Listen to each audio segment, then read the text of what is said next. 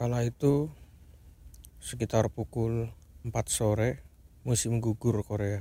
4 sore waktu itu masih cerah dan kita sudah 6 jam sejak pukul 10 pagi kita dapat problem di alat berat namanya cike cike itu kayak truk tapi ada alat genggam-genggaman gitu di bagian belakang. Kita selesaiin dari jam 10 sampai jam 4 belum kelar. Dan waktu itu masih belum ada titik terang apakah ini bisa diperbaiki atau enggak.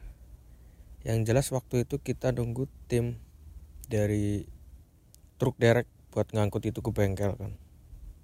Nah ketika menunggu waktu itu saya masih ingat kalau itu saya sama tim Jang nih saya Yu tim Jang waktu itu. Yu tim Jang itu orang tua ya usia udah 50 tahunan. Sama kayak orang tua di Indonesia itu kalau teleponan speaker dikerasin. Nggak peduli itu panggilan pribadi yang penting ya orang tua yang penting suara keras itu ya. Waktu itu anaknya telepon. Dia minta uang ke orang tuanya ke si Yu tim Jang itu. Tapi minta uang dadakan jadi dia mau pergi keluar sama temen-temennya dan budaya anak-anak Korea itu dulu ada budaya kayak sekarang saya traktir si kamu. Ntar gantian di geng itu siapa gantian yang traktir gitu loh. Nggak tahu sih aturannya emang kesepakatan bersama atau kayak pengertian aja lah kemarin kamu yang bayarin sekarang aku nih sekarang ya. Nah muter-muter lah gitu loh. Karena waktu itu kita kerja di weekend ya hari Sabtu waktu itu. Jadi posisi itu nggak ada orang kantor nggak ada teknisi lain cuma divisiku aja. Yang aku ingat banget waktu itu adalah anak perempuan dia anak tunggal dia minta uang gini pah aku lagi main sama teman-teman aku nggak punya duit. Aku butuh dikirimin uang cepet gitu. Berapa? 200 aduh papa juga nggak pegang uang gitu kan. Di ibu uangnya tapi anaknya bilang aku udah bilang ibu tapi ibu katanya suruh ke ayah terus si Yutim Jang kayak nolak-nolak tapi halus dengan terpaksa ya kayak apa tuh nopso ayah nggak punya uang. Waktu itu sih udah tanggal tua sih ya udah seminggu lagi mau ambil gajian lah. Terus anaknya ngejelasin kondisinya kayak ini aku mau bayarin temanku makan pak. Kemarin aku udah dibayarin sekarang gantian giliranku gitu ya mungkin kita sebagai laki-laki kayak ih apa? Nggak masuk akal temen gitu ya nggak masuk akal banget. Ngapain? Gitu gitu udah ngapain ngapain kayak emang lagi posisi nggak punya ya nggak punya loh gitu. Nggak usah memaksa lah ya. Tapi mungkin dari sudut pandang seorang wanita ya nggak tahu sih kita tahu gimana. Terus si Tumjang bilang ya apalagi sama orang asing juga ini di sini ntar coba papa bilang gitu. Terus dia matiin teleponnya terus dia bilang ke aku kamu ada uang gak saat di rekeningmu punya berapa cuma tinggal 200 gitu. di dompet cuma ada 10 ribu atau 20 ribu. Cuma karena kayak kebutuhan iuran galon bayar apa cuma kayak kebutuhan bayar air bayar listrik semua udah kebayar sih di pertengahan bulan jadi itu udah tinggal kayak uang sisa lah waktu itu cuma disisain segitu. Dia bilang ya aku pinjam 200 gimana? Gitu. Besok setelah gajian langsung saya bayar. Saya saya kayak kayak gimana ya kayak langsung flash begitu ke, ke kondisiku dulu waktu di rumah. Kayak kita mundur cerita ya kayak waktu itu aku pulang ke rumah posisi waktu itu sama kedua orang tua ya di rumah. Nah aku waktu itu main laptop. Terus tiba-tiba ada telepon dari kakakku yang waktu itu masih kuliah kan kuliah keperawatan. Dia bilang kayak ada iuran ini. Waktu itu kayak nggak salah kayak praktek biaya, biaya praktek gitu loh. Meskipun sekolah negeri tapi tetap ada uang praktek apa mahal. Jadi ibaratnya ya ibaratnya kayak orang tua kayak terlena dalam arti kayak dulu waktu pendaftaran katanya ini murah gini gini tapi ternyata waktu praktek itu di luar kendali lah ya. Ada uang yang mahal gitu. Terus waktu itu aku udah nego sama orang tua untuk biaya sekolahku juga gitu. Tapi aku denger cuma posisi nggak sama orang tua loh kayak di beda ruangan lah. Terus aku kayak kayaknya ada kondisi yang harus ya terpior lah itu kondisi spesial lah ya yang khusus gitu. Kayaknya bakal ada drama drama apa itu. Ya ternyata beneran. Ibu saya datengin saya dengan muka pucat kayak mas duit kian diundur di situ ya. Iki ya saya ya kayak ya udah nggak apa-apa. Cuma dalam hati saya ya wong lanang ngalah. Mungkin karena kakak saya perempuan ya jadi mungkin malu ya kalau iurannya nunggak atau mungkin malu lah beberapa perempuan tapi saya karena lawan saya sekolah aja nggak bener. Sekolah aja terserah mau berangkat mau enggak kabur apa terserah jadi ya kayak lah emang reputasi juga nggak penting lah. Udah dikenal berandalan apa ya udah nggak perlu mikir perihal iuran-iuran gitulah sudah nggak apa-apa gitu. Kayak ibaratnya ngalah lah ya. Cuma saya kadang batin kayak mungkin saya paling susah dalam arti gini saya kalah dengan kakak saya saya mengalah. Tapi saya mikirnya kayak berarti saya yang paling sukses gitu di antara kakak saya dan adik saya karena saya merasakan hal kayak ya udahlah yang ngalah ngalah baik. Saya mikir kayak kayaknya saya paling sukses di antara itu lebih sukses lebih dapat penghasilan yang lebih mungkin. Karena ini konteks dibilang ke tentang keuangan. Balik lagi ke Korea nah aku mikir posisi itu dan yang minta juga anak perempuannya ya. Jadi aku kayak ya udah kasih aja cuma 100 aja gimana? Aku nyisain 100 buat biaya hidup satu minggu gitu. Dia bilang kayak ya udah nggak apa-apa daripada nggak ada gitu. Terus waktu telepon ke anaknya bilang ke anaknya 100 juta 100 adanya 100 guna gitu. Anaknya bilang ya udahlah nggak apa-apa daripada nggak ada gitu. Dikirimlah 100 itu. Terus saya mikir lagi kayak anjir gitu ya. Orang yang Korea orang yang Indo pada baik gitu. Pada baik ceritanya pada baik jalan ceritanya pada baik ruwetan yang kono gitu. Cuma bedanya nang subtitle lah. Ya ya ya cara orang yang sini ngomong gitu. Ternyata sama persis kondisinya sama di rumah gitu. Kesenjangan sosialnya kesenjangan ekonomi itu sama permasalahan manusia sama ternyata itu nggak mandang tentang ya orang Korea lebih rajin orang Korea lebih pintar apa nggak mana itu. Tapi semua intinya sama gitu dan dari situ saya inspirasi dari sampul podcast ini yang dari truk putih itu waktu rusak waktu diperbaiki dan dari hal itu saya cuma pengen bilang kayak Nak, jangan seperti bapakmu ini yang susah mewujudkan impiannya. Kembali lagi di podcast Saur bukan podcast edisi tebar pesona.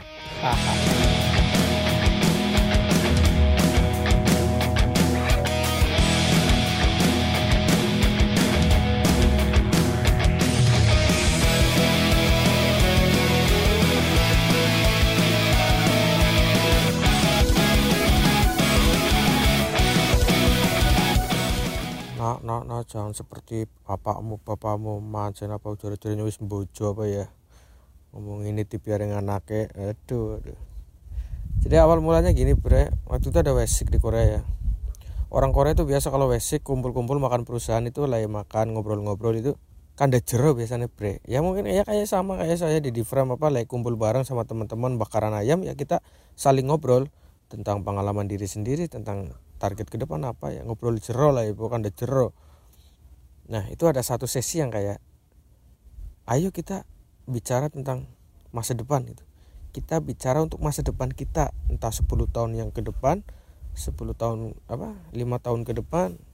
Yuk coba kita bicara.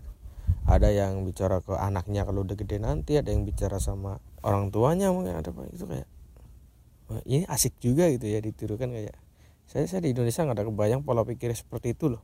Contoh kayak di drama Itaewon Class kadang kan kalau pada minum suju gitu kumpul-kumpul gitu ya bicara tentang mimpinya apa ya emang orang Korea seperti itu teman-teman. Mungkin kalian juga yang berada di konteks persahabatan konteks lingkup persahabatan yang mungkin satu kontrakan lah satu-satu sedang me, ratapi nasib ya mungkin yang di kerja di luar kota terus satu teman kantor satu teman perusahaan satu kontrakan gitu mungkin bisa lah diterapkan kayak ya demi semangat semangat lah ya dari teman kos lah teman kontrakan gitu. Nah dari situ kayak wah nyoba pengen kok pengen ngomong aja le tapi ngomong karo wong Korea lah orang penting orang lah. Nyoba kena arep balik ya ngomong karo bahasa Indonesia atau bahasa Jawa malah lebih pelong gua awake dewek gitu. Terus saya mikir kayak ya simpel aja sih. Saya nggak kepengen anak saya punya mimpi tapi dia ngerasa susah ngegapai mimpi itu. Susahnya bukan dalam konteks memang dia malas memang dia malas bergerak tapi dia mau bergerak tapi keterbatasan apa yang ada ibaratnya gimana ya kayak kayak saya kerja keras saya baik kepada semua orang tapi dunia mempencundangi saya gitu. Kayak saya dianggap sampah gitu ibaratnya kayak ya gimana ya? Jelasinnya aduh. Ya, ya mungkin kondisi kondisi yang enggak menguntungkan kondisi yang enggak ya itulah. Dari situ saya mikir kayak dunia ini selalu dimenangkan oleh orang-orang yang berduit. Orang-orang yang punya duit banyak lah ya. Yang kaya raya. Tapi kaya raya bukan suatu kesalahan. Kayak di agama dia apa nggak pernah ngelarang kita buat jadi kaya nggak pernah. Dan juga ya semua wajar ya. Berarti orang kaya ya emang karena hasil usahanya ya kan emang dia pengusaha keras emang dia kerja keras makanya dia kaya gitu. Cuma masalahnya orang kaya juga punya apa ya persep, apa persepsi negatif persepsi buruk pandangan buruk. Entah karena banyak dari orang kaya yang buat kegaduhan lah ya. Tapi kita bicara tentang kekayaan kita bicara tentang hak lebih ya orang jadi orang kaya itu kayak yang pernah saya alami ya contoh contoh di Korea. Kita bicara tentang harga pakan di sini ya. Harga bahan pokok bahan pangan. Pakan. Ya kewan pakan ini. Itu bicara tentang bahan pangan ya cuy. Contoh kayak kentang nih di Korea. Di Korea itu kentang itu satu kilo empat ribu. Tergantung sih kadang ada yang lima ribu tergantung pasar ya. Itu satu kilo lima ribu kentang di sini. Mungkin di Indonesia mungkin sama saya lupa ya. Misal satu kilo di Indonesia juga lima ribu rupiah di Korea lima ribu won. Sekarang kita samakan kayak ngikutin persamaan nilai ya dari won dan rupiah misal. Berarti kan ibaratnya gini orang Korea nganggap harga kentang di Indonesia cuma 500 won ya. Cuma orang Indonesia nganggap kentang Korea harganya 50 ribu. Andai semua dibalik contoh kentang itu ambil di Indonesia tapi dijual di Korea dengan harga 5000 won. Atau misal kentang itu diambil dari Korea dijual di Indonesia dengan harga 5000 rupiah. Masuk akal yang mana? Mesti mau masuk akal sama yang nilainya lebih rendah dijual ke nilai lebih tinggi. Ya enggak soalnya gini mau dijual dari nilai dari nilai tinggi ke rendah kan nggak masuk akal ya. Nah kadang anehnya gini anehnya ini kalau kentang wajar ya di Korea juga ada kebun kentang. Korea juga punya mandiri lah ya dalam arti kentang kobis ada orang yang bikin ya. Orang yang tanam maksudnya yang bikin Gusti Allah bro Tuhan asik orang sini yang nanam ya. Bayangkan kalau itu bukan yang dari Korea atau bahkan gak bisa ditanam di Korea. Contoh asem. Saya kemarin beli asem di Asia Mart seharga 5000 ke atas nah 7000 6000 atau 8000 lainnya cuma asam itu udah di udah lepas dari kulitnya kan udah di itu dikumpul di disatuin loh. Itu ukurannya sekitar satu genggam tangan. Dan harga 7000 won lah sekitar gitu. 5000 won untuk sedangkan saya di rumah asam itu makanan wajib kalau pulang main dulu waktu kecil. Ibaratnya habis sepak bola di lapangan pulang dari lapangan ke rumah ngelewatin kuburan ada pohon asem. Itu tinggal nutur. Nutur bahasa Indonesia apa ya bro? Nutur. Nunut. Mungut ya mungut ya mungut. Mungut asam itu yang udah jatuh-jatuh itu. Naik hoki ya lising lagi-lagi asam lagi apa sih lising pahit tawa posok ya. Nah di sini harga segitulah. Ambil aja kita ambil tengah 5000 won nih misalnya. Berarti berarti asam itu punya nilai rupiah 50 ribu. Pada ukuran satu genggam ya. Satu genggam itu cuma berapa biji asam sih? Kalau dikumpulin. Kalian coba ngumpulin buah asam banyak digabung-gabung sampai ngebentuk satu kepalan tangan kalian lah.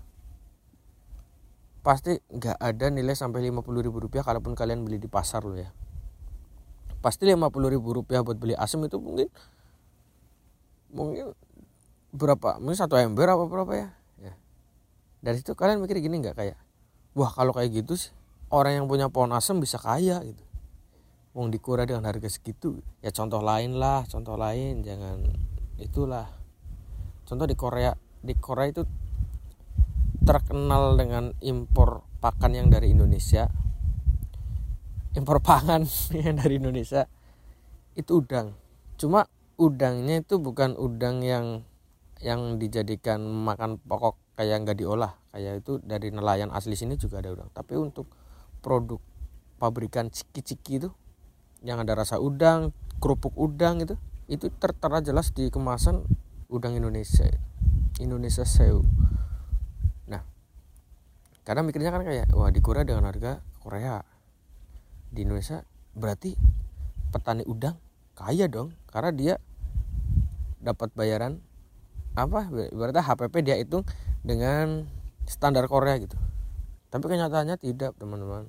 Kenyataannya kayak ya contoh lah contoh yang lebih lingkup kecil kayak tukang nasi goreng jual nasi goreng satu piring 12 ribu. Padahal beras satu kilo berapa piring cuma misal yang 7 ribu atau 10 ribu ya. Ya bahasa apa ya, ya kapitalis lah. Itu sungguh kayak wah nasi goreng satu piring segitu berarti penjual beras kaya kaya nih. Nggak bisa kita bilang gitu kan ibaratnya. Karena karena si tukang nasi goreng itu punya sesuatu yang ngebuat nilai itu lebih. Contoh dia emang bisa bikin nasi goreng gitu. Yang ngebuat nilai nasi nilai beras satu piring bisa jadi segitu loh ya. Nah cuma di konteks yang lain yang kayak gini yang punya wewenang itu ya orang yang kaya yang berani ngeborong banyak nyampe nggak rugi bisa dikirim ke Korea. Gini yang saya maksud kayak wah hake wong suki kayak enak atau contoh di bidang saya lah cuy di bidang saya lah di bidang saya itu di bidang profesional misalnya. Kalau saya ngambil bahan lebih banyak lebih banyak uang otomatis harga bahan itu bisa lebih murah dan murahnya itu nggak hitungan kayak yang tadinya misal misal sepuluh ribu satu roll. Kalau dibeli berapa banyak satu rollnya bisa kena 9000 enggak teman-teman? Tapi konteks bisnis itu bisa turun 25% 30% itu nggak main-main. Karena karena gimana ya? Ya karena namanya juga orang bisnis lah ya trik lah ya. Nah, makanya kita yang kendala di uang yang kurang duit tapi kita butuh untung lebih banyak. Ketimbang orang udah punya duit banyak ngapain nyari untung banyak? Betul dia udah makmur punya duit. Tapi dia pas-pasan ngejalanin bisnis tapi pengen untung banyak terkendali juga sama keterbatasan barang yang dia cuma bisa beli sekian. Nggak ada penekanan biaya produksi dong karena nggak bisa borong belinya kan. Sama seperti itu loh. Jadi wah berarti KP Kutisuki apa ya di sisi itu loh ya apa ya kadang saya takut kayak podcast ini tuh jadi kayak bikin skema negatif tentang orang kaya tapi sebenarnya orang kaya itu nggak salah. Kayak enak aja jadi orang kaya bisa dapat hak banyak. Ini ini di luar konteks kayak misal orang kaya kena hukum karena dia punya duit jadinya entah itu dibebaskan entah itu diberi fasilitas ya. Ya nah koruptor koruptor kayak lah. Misal contohnya ya bre.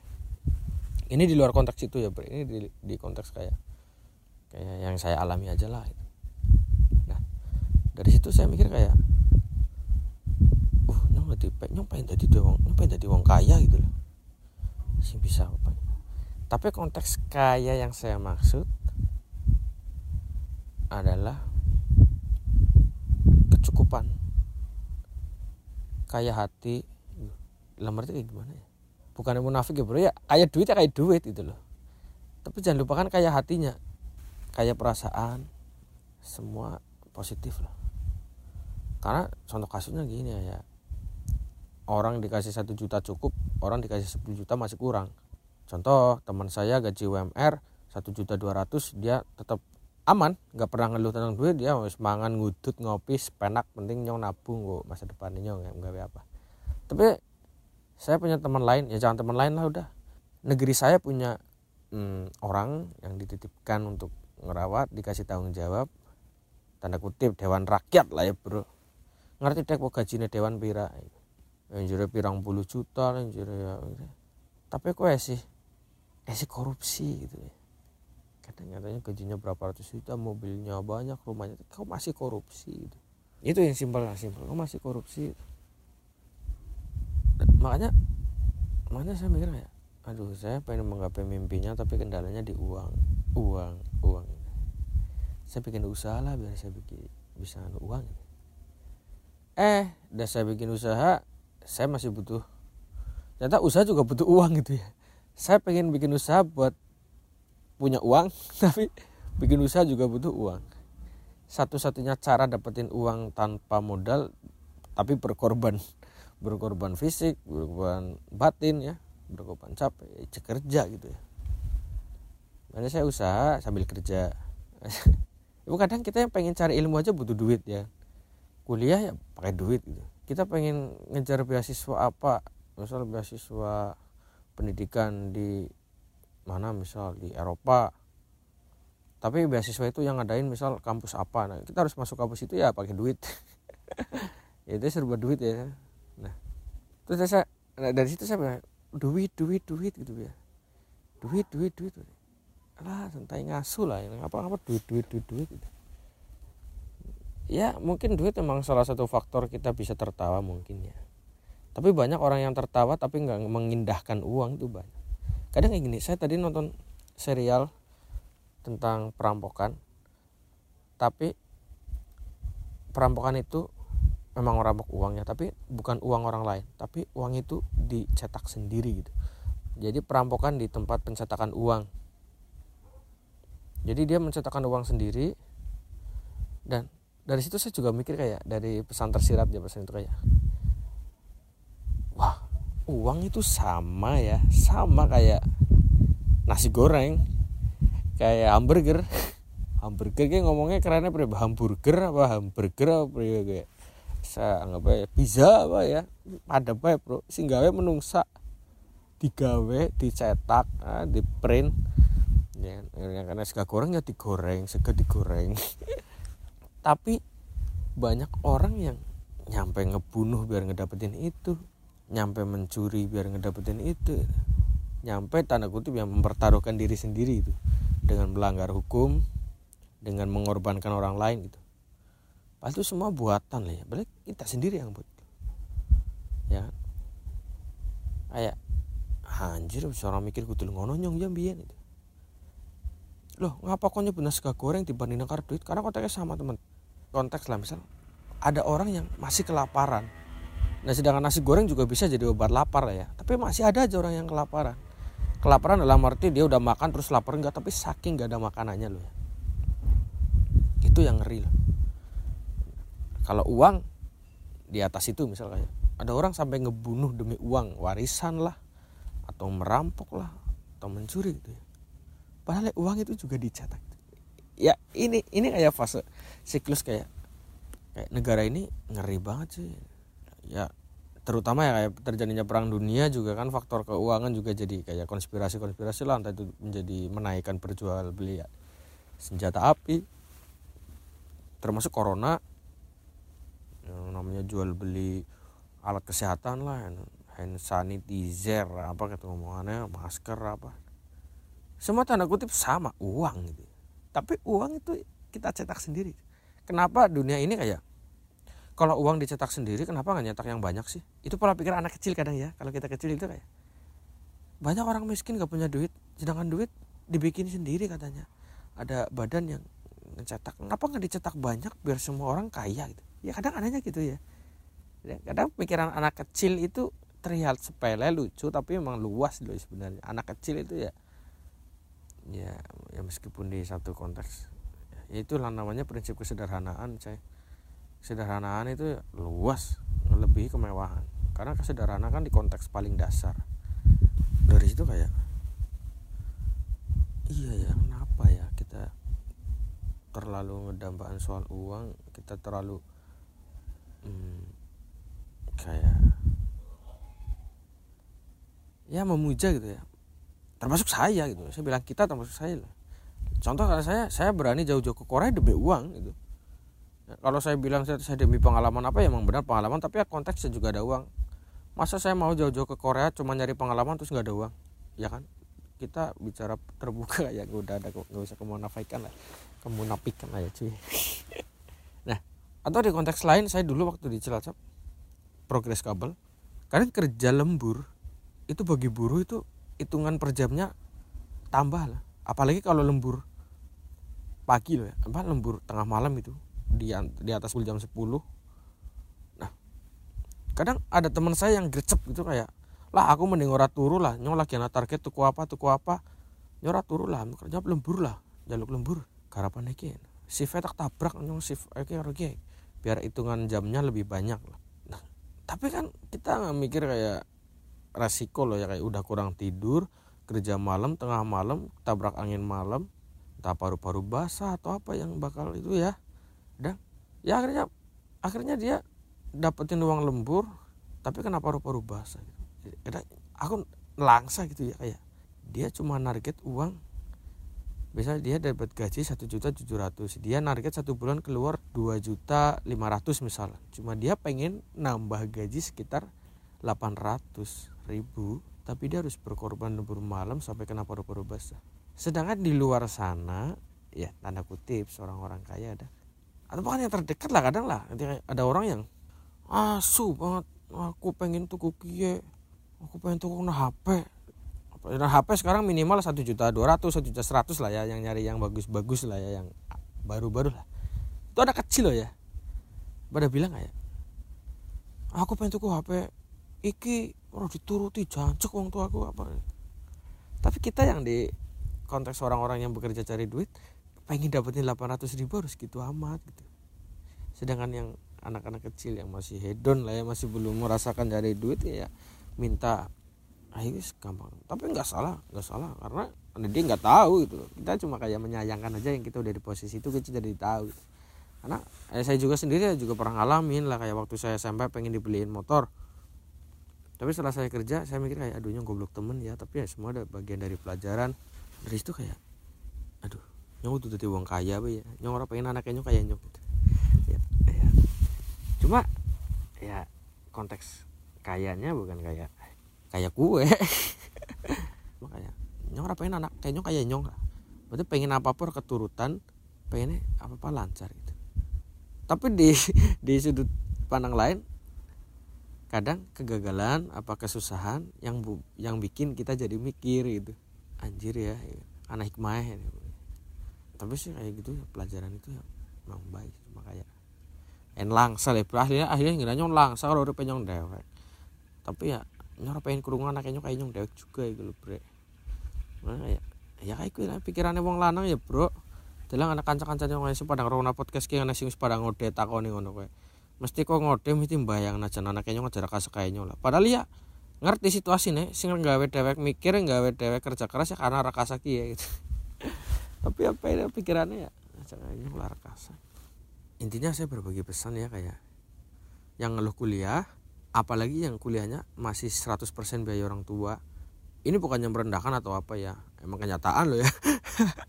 Kan ada yang kuliah sambil kerja pakai uang sendiri 100% ada yang juga masih orang tua udah kuliahnya 100% dibiayain uang jajan juga misal. Kalian nggak salah. Kalian nggak salah kalian nggak lemah itu kalian nggak apa kalian yang beruntung maksud saya.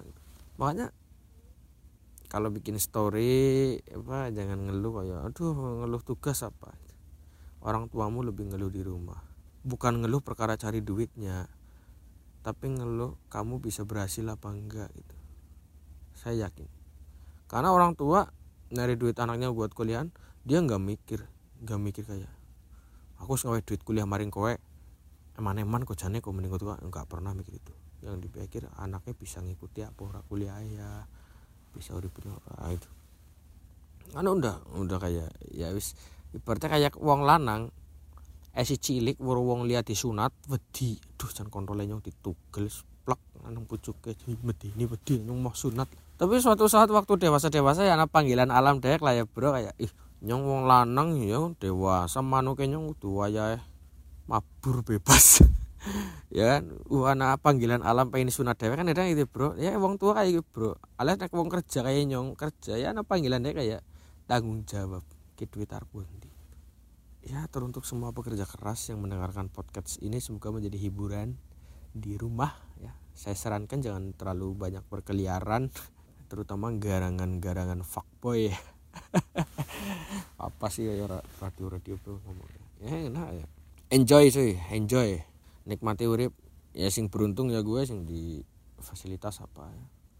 Tapi kadang ya saya lihat kayak yang hedon ya kayak hmm, kepecah dolanannya nang kene kene wih hedon banget wih. Tapi kadang kalau saya ngajak ngobrol ya dia ada rasa-rasa kayak aduh nyong pengen leh mandan ngiringan wong tua kayak nyong juga tuh penghasilan dewek gitu walaupun penghasilan itu ya dari saku orang tua cuma yang ditabung. Nggak apa-apa itu ya. Karena mengurangi beban juga itu loh. Ya jatah satu saya sebulan. Entong terus. Tiba-tiba kebutuhan pengen tuku apa regane lima ratus ribu nambah satu seket itu tambah lima tapi nek kowe dewe satu seket ewu disisakna lima ratus eh disisakna seket ewu pengen tuku sing rega 500 ribu uang tuamu ya pada pengen tokona satu seket ewu terus per bulan terus kalau sisanya cukup kue kayak kan ya, ya bisa mikir lah padahal lah. Cuma kadang pikirannya nyong kadang ya jujur nyong kadang mengasihani diri sendiri bre kayak ki karo ngono kayak nyong gitu. Cerita anak ada nyong lek lek ndo ndo anak nyong waktu napa lanang. Jadi kayak ramamu ke umur 19 tahun wis ngode. Nyong sih dulu umur pira ya bolulas apa ya. Nyong pertama ngode rong pitulas. Tiga tahun yang lalu wolulas. Ramamu ngoden usia wolulas tahun ya. Bocah umur wolulas tahun gue kebanyakan ya sih seneng seneng ya ya sing kuliah ya kuliah kumpul kumpul kanca seneng seneng ya sih bisa kumpul kumpul kumpul kanca kelas kumpul karo pacar ya. Tapi ramamu kayak kudu jadi tikus ngeduki lemah dolanan belet pinggir dalan seorang arti berisik truk Pertamina berisik kontainer kemeruduk apa nih debu-debu dalan wah panasnya Cilacap panasnya Jogja gitu ya. Kemeringat campur debu kuncinya sama dengan gatal ke rumus ramamu ora gagah korengnya pada pating mentreng. Wis kayak apa bu? Mertat-mertat bentuk rasi bintang ya koreng-korengnya. Ya anak ya orang Korea pada bebronyo kene lah. Tulanane ya debu iki gatel ya. Oh tapi dalam story kanca-kancane sih pada bisa kumpul bisa seneng-seneng pada guyu kayak status gitaran apa ya wah asik ke walaupun kape yang mau dek dewek kalian mau kuliah mau skripsi kape tuh mau dek dewek cuma kayak nyong lebih ini temen nih. Iya. Nah, bu sapa kok bojone nyong sapa kok anake nyong diwehi mengko nganti kok umur nyong umur 18 tahun kok ngeluh perkara ora bisa tuku apa ora tuku apa? Tampung kok embes raman kok umur 18 tahun kok yang apa nasibe? Ya ya ya. Sang guyon lah bro lah guyon lah. Nyora bakal nampung anaknya lah. Paling ya tak smackdown. Kadang ya kayak pengen ngomong bareng kan teman-teman kayak guys ya you are lucky luck. Beruntung mau lucky ya lucky ya. Gue lah lucky ya. Kalian beruntung yang dan kalian yang bernasib harus bekerja keras lebih itu kalian juga beruntung. Karena kalian pasti punya pemikiran yang lebih dalam daripada yang apa apa serba ada apa apa serba kebutuhan apa apa apa serba tercukupi apa. Kalian juga beruntung yang kekurangan apa karena kalian bisa punya lebih pikiran yang lebih bisa mengatur situasi bisa lebih dewasa mungkin. Karena ini konteks kayak kita semua sama-sama bertahan hidup entah kamu dokter entah kamu tentara entah kamu atasan saya entah suatu orang pekerjaannya yang apa kita sama itu. Ya, orang orang Korea kadang ada di drama Korea itu kadang kalau patu-patu ya patu kayak se Indonesia apa gitu padu. Mau bertengkar ya cekcok ya cuy. Nek cekcok ngapa kowe nyolong kie lagi kerja ngapa kowe ngelomboni kie nama gue salio ire moko salju nyong urip mangan mangan pada pengen Indo pak gelem temen kerja kasa esuk-esuk wis njukuti runtah. Lah demi sesuap nasi. Lah ben bojone bisa mangan. Ya konteks makanan sama kayak di, sama aja nih. Nyong ngode gue mangan itu. Atasannya kowe sing gajine berpuluh-puluh lebih kang kowe iya pada bekerja gue mangan bro. Dia orang usah dianggap spesial nggak ada yang spesial mungkin mana mana saya saya nggak pernah menganggap apa pun spesial itu loh kayak apa sih kayak kayak lah semua fana ya bro kayak. Mungkin saya sekarang di atas gedung ini yang lihat kemerlapnya kota Kimpo dari arah selatan itu kayak kayak saya pernah di posisi di Indonesia ya kayak lihat banjir dulu ya. Ketika saya touring ke Bogor saya menangi banjir. Menangi menangi bisa Indonesia menangi. Kedapetan lah ya. Kedapetan banjir. Itu di Bandung. Itu kayak wah kota kemerlap indah itu. Tiba-tiba ada air warna coklat di itu di, dilihat kayak aduh elek temen. Wong wong ya rekasa ya rekasa ya belet lah. Motor saya waktu saya udah pulang ya lagi ke Jawa Tengah itu sisa banjir itu ya emang ada lumpur-lumpur nyangkut di dalam selebor itu ya di dalam motor gitu. Jadi motornya dibukain semua tebingnya dibersihin karena sisa banjir dulu waktu touring kayak wah repot. Ya dunia ini kayak fana loh nggak udah nggak usah ada yang dibanggakan. Termasuk hari ulang tahun juga saya nggak pernah kayak kalau saya ulang tahun tuh saya mikir wah ini ulang tahun nambah umur. Nggak pernah itu kayak eh, saya mendekati kematian saya itu umur apa semua? Tidak perlu ada yang lebih-lebihkan ya sekian ya bro. Aku toknya bisa ngomongnya kok ya. Ngomong apa manis sih ya oh ya mandan jeda suwe ya bro karo podcast sing wingi. Wingi Februari ki April ya. Kadang saya nggak bisa bikin podcast podcast podcast bukan podcast lah ya, saya bikin ini siaran nggak bisa ngomong tapi kalau nggak ada dorongan dari hati. Kayak kemarin bikin konten uh, sebenarnya konten ini saya bikin sampulnya kan di bulan Maret tuh saya siaran lewat tema ini tuh saya mikirkan tentang tema ini saya nggak bisa ngomong teman-teman. Ada siaran yang sebelumnya saya rekam tapi nggak jadi. Karena nggak sesuai dengan hati saya sampai saya nggak tahu konteksnya lebih bagus apa enggak tapi saya mikirnya kayak nggak sesuai hati saya ngomong saya nggak cocok. Nah, ternyata kayak wah dapat anak rasa kayak anak rasa kayak nyumpain ngomong bahas kie gitu. Bahas kie. Nah tak upload lah tak rekam lah kotak upload lah. Ya intinya semangat berkarya.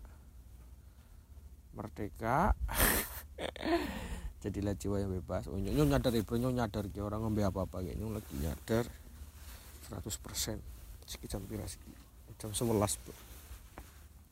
Saya sadar hmm, yang pengen saya ceritakan cuma ini ini aja lah ya bro kayak pesona lah kayak satria pamer kayak apa wong lanang iki